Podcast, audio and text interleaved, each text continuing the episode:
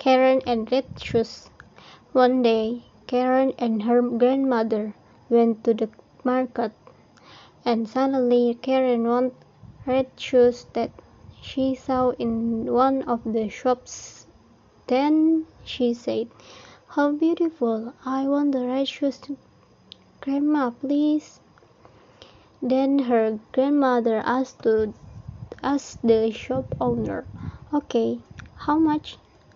Then the shoe store owner replied, ten dollars. Then the grandmother gave ten dollars to the shoe shop, shop owner and shoe shop owner gave Karen the shoes she wanted. Thank you, Grandma, said Karen. Then Karen and her grandmother came home. When Karen and grandmother got home, Karen was wearing the shoes her grandmother had just bought and Karen, and Karen was dancing happily. The, the grandmother asked, Karen, what are you doing? I'm dancing, Grandma, replied Karen.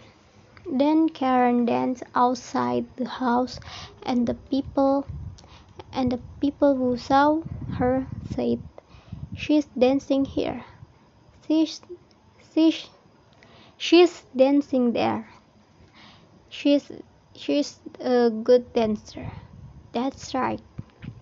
Karen met her friend and her friend said, Your grandmother in, is in the hospital, Karen. Please go home. Then Karen replied, Sorry, I can't. Then Karen continued dancing and stopped off the grass. Then she then she feels feel sleepy and she fell asleep on the grass early. Suddenly the fairy queen came and said to Karen, Oh Karen, don't dance. Go to hospital now. Then the fairy queen took off her shoes and Karen thanked the fairy queen. Thank you very much.